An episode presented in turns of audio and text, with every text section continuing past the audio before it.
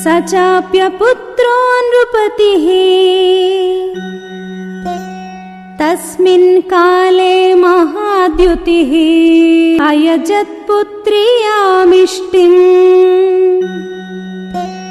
पुत्रेऽप्सुररिसूदनः